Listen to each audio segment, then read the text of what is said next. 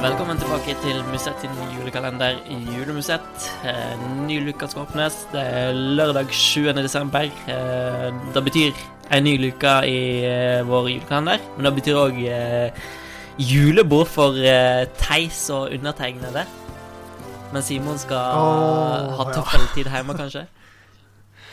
Ja, jeg har hatt uh, mitt julebord uh, allerede. Uh, eller har et annet julebord uh, senere. Men jeg har unnagjort eh, et julebord, og det er jo alltid hyggelig, det.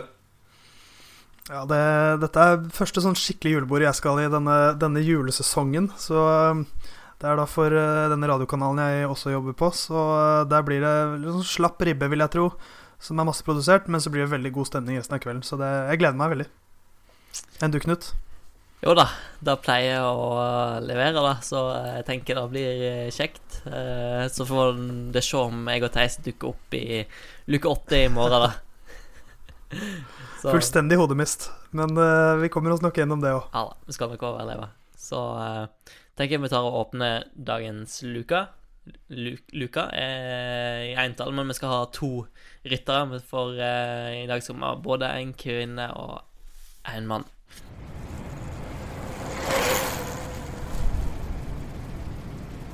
I eh, luke sju så er det altså den tiende beste kvinnerytteren i 2019 som skal eh, presenteres. Det er en eh, aldri så liten norgesvenn, ettersom hun sykla tre sesonger for high-tech Products. har alltid vært en resultatgarantist, veldig stabil og sterk rytter. Og eh, leverte mange gode resultater i klassikerne opp igjennom årene, annet vunnet Flandern rundt. Men det gikk ikke helt som eh, hun hadde ønska i eh, årets klassikerkampanje. Men eh, hun viste seg eh, veldig sterk når hun kom tilbake i mai i World Tour-rittet Emma Kumen Bira i eh, Baskeland World Tour-rittet. Så slo hun tilbake, leverte veldig bra i de tøffe bakkene der, eh, blant annet eh, nummer to på den tredje etappen. En veldig tøff eh, bakkeavslutning til Santa Theodosia. Og eh, på den påfølgende etappen, den fjerde etappen og siste etappen, så eh, tok hun etappeseieren, som òg var nok til å stikke av med sammenlagtseieren, og tok en veldig flott seier der. Og tiende beste rytteren i år er altså Elisa Longoborghini, den italienske 27-åringen. Ja, du fikk jo sjokk når du eh, så hvor Ja. gammel Longo Borghini var her eh, tidligere i dag. Eh, Du har vært med i gamet veldig lenge, da. Ja, og som du sier, hun har vært en eh, resultatgarantist i, i en årrekke, egentlig siden eh, ja, 2012-sesongen, når hun kom til Hightech. Hadde tre veldig fine år der. Eh, og har jo alltid, alltid, alltid vært i toppen. Eh, og er jo igjen i toppen i, i år. Uh, Avslutta òg med en uh, femteplass i VM, så alltid med i de store mesterskapene. Og det blir spennende å se hun, hva hun klarer å gjøre i både OL og VM neste år, som uh, går i løypa, som bør passe bra for en rytter som uh, Longo, Longo Borghini. Er som dere sier, hun er veldig, veldig, veldig solid og går veldig bra i mye forskjellig terreng.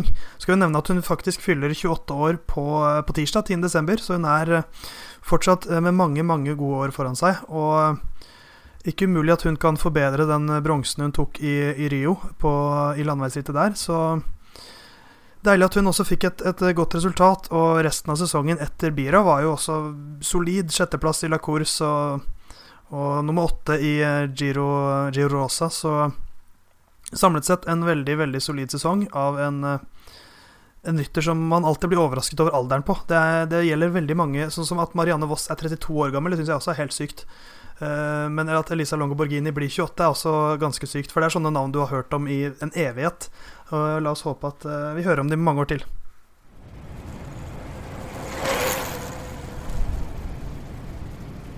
Med nesten 200 km bak seg så var det fem mann som nærmet seg Ninove 2. mars i år.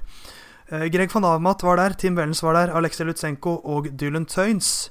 Men med litt over to kilometer igjen så var det femtemann som eh, satte inn vinnerangrepet. eh, Og de andre ble satt sjakk- sjakkmatt. De begynte å se på hverandre. Ingen tok opp jakten.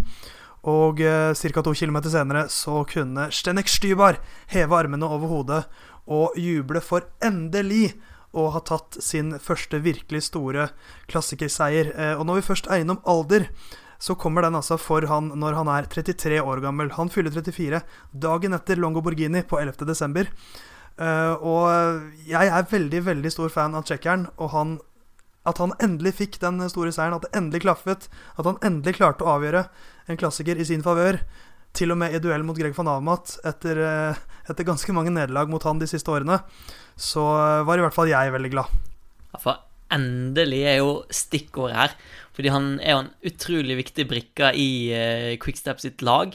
Han er alltid i veldig god form og bidrar på så veldig mange måter.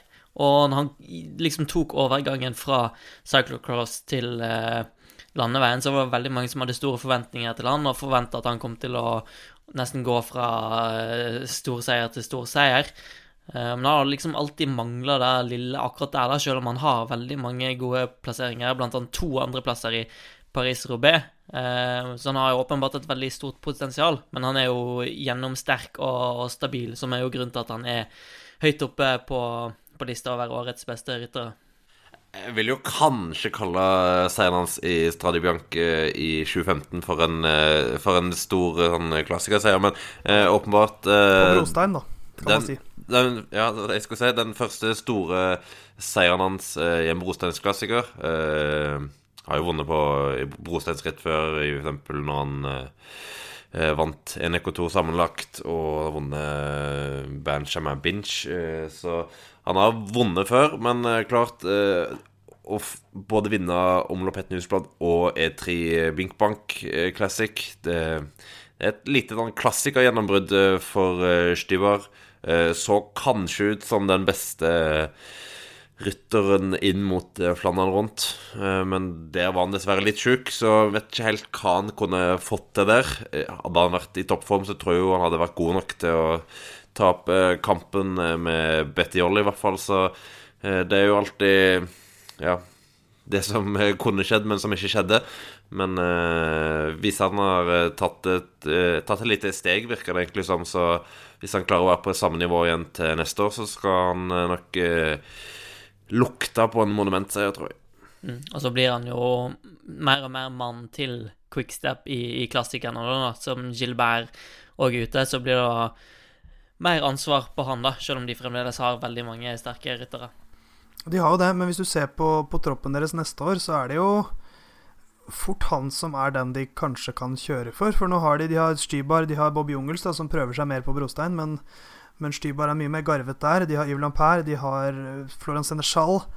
Uh, så det er jo og, og, bak de så er det jo ikke så mange sånne vinnere uh, som har vunnet store ritt uh, av det kaliberet her. Så at han kommer til å bli enda viktigere neste år, det, det virker jo slik.